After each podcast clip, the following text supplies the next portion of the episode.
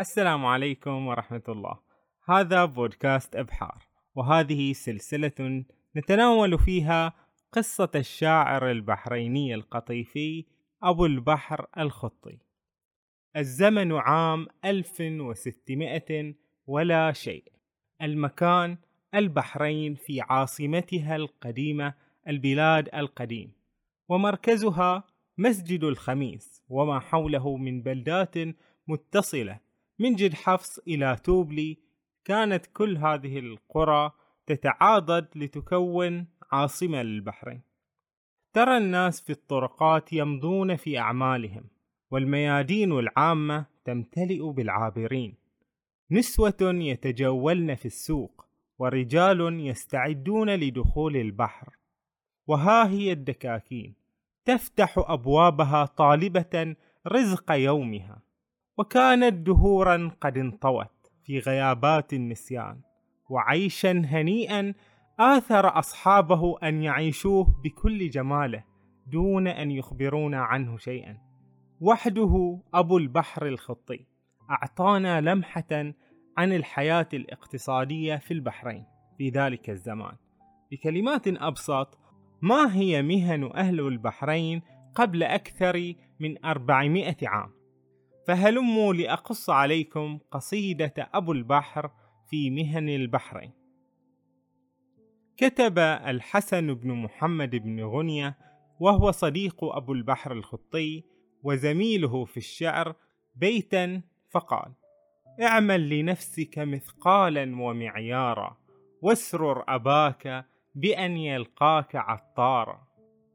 إذا اهتم بعمل يجعل لك ثقلا وسيسر أبيك لو عملت عطارا. هذه الفكرة فكرة المهن استهوت أبو البحر فواصل على نمطها فقال أو فاتخذ لك سندانا ومطرقة واعمل متى شئت سكينا ومسمارا. يقصد بها مهنة الحدادة وهذه المهنة طبعا تحتاج الكثير من التعب والحرفية والجد أو فاتخذ لك منشارا وقشترة وكن كنوح نبي الله نجارا. وهذه مهنة النجارة والقشترة هي من أدوات النجارة آنذاك. أو صائغا يسبك العقيان تبرز من إبريزه للنساء صفا ودينارا. مهنة الصائغ بالطبع الذي يصنع الجواهر التي تشتريها النساء غالبا.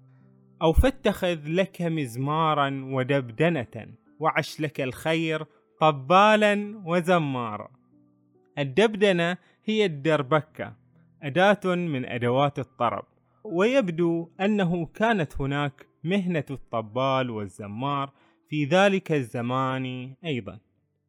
أو كن فديتك صفارا فليس على علياك بأس إذا أصبحت صفارا.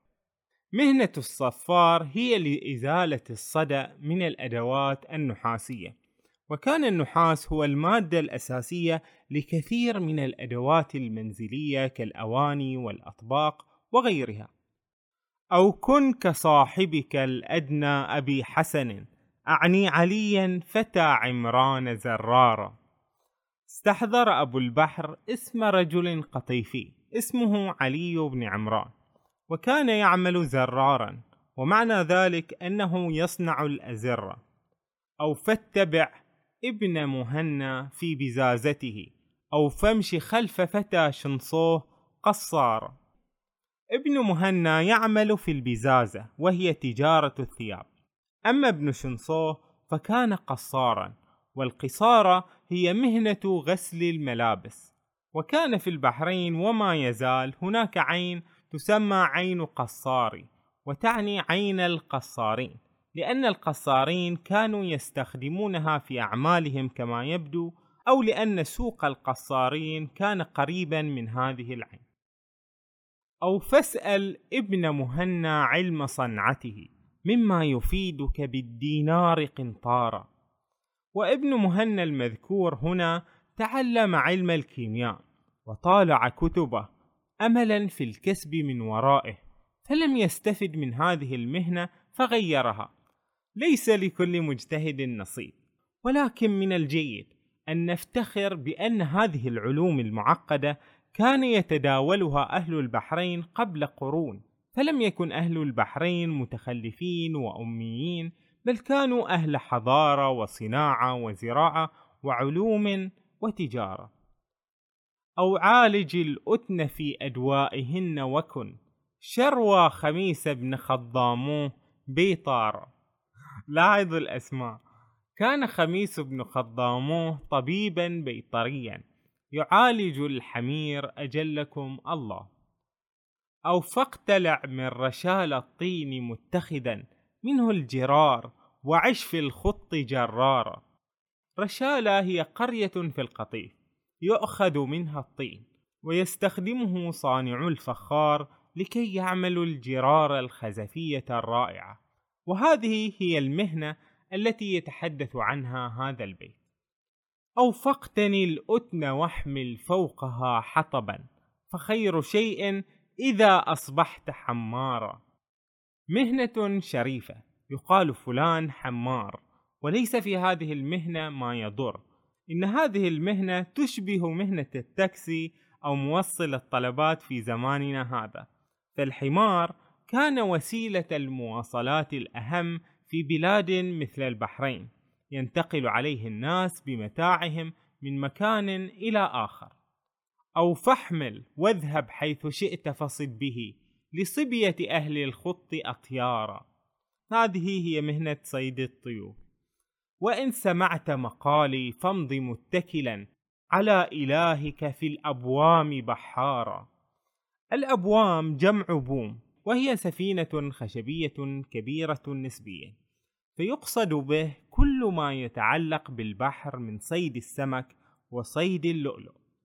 وإن ترفعت عن هذا فحي على استغفار ربك تلقى الله غفارا. أو قيما في بيوت الله تسمعنا أذانك العذب آصالا وأسحارا. هذه هي مهنة قيم المسجد وهو الذي يتعهد المسجد فيفتحه ويشرف على تنظيفه والعناية به وإقامة الأذان فيه.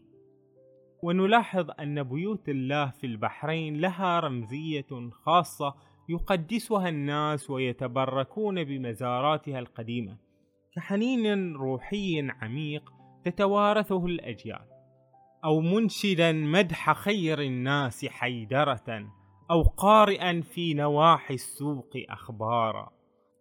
كما أن هناك مهنة الطرب والتزمير من المهن التي تكون بعيدة عن الشرع فهناك مهنة الإنشاد ومهنة المداحين الذين يطربون أسماع الناس بالأهازيج الإسلامية في مدح النبي وأهل بيته صلوات الله عليهم. وهناك مهنة أخرى وهي قارئ الأخبار. في السابق لم يكن هناك قناة تلفزيونية لتبث الأخبار بالذات تلك الصادرة من الحكومة إلى الشعب. فكان هناك وظيفة لمن لديه المؤهلات الجيدة من الصوت الجهوري والخطاب البليغ. فيدور هذا الرجل في الطرقات ليذيع الأخبار. هكذا عرض لنا أبو البحر بعضا من مهن ذلك الزمان وما يبهج القلب هو حين نتخيل كيف كانت الحياة آنذاك فيها حضارة وتقدم. حال سوق البحرين كحال أسواق المدن الإسلامية الكبرى قد يقل حجم سوق البحرين عنها قليلا ولكنه كان عامرا بكل الحرف والصناعات. ولم يكن هذا الشعب متخلفا أو بدائيا أو همجيا بل كانت البحرين حاضرة للعلم والتجارة. إن عادة البحرين أنه ما يسقط فيها نجم حتى يبزغ نجم آخر وتستمر الناس في النهوض بوطنها ليكون دائما في العلياء شامخا ووادعا في آن جامعا لكل الطوائف.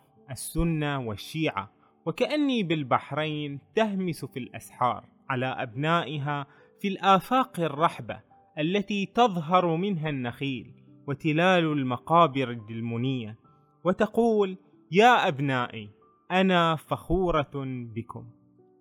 دمتم بألف خير وإلى حلقة أخرى مع أبو البحر الخطي.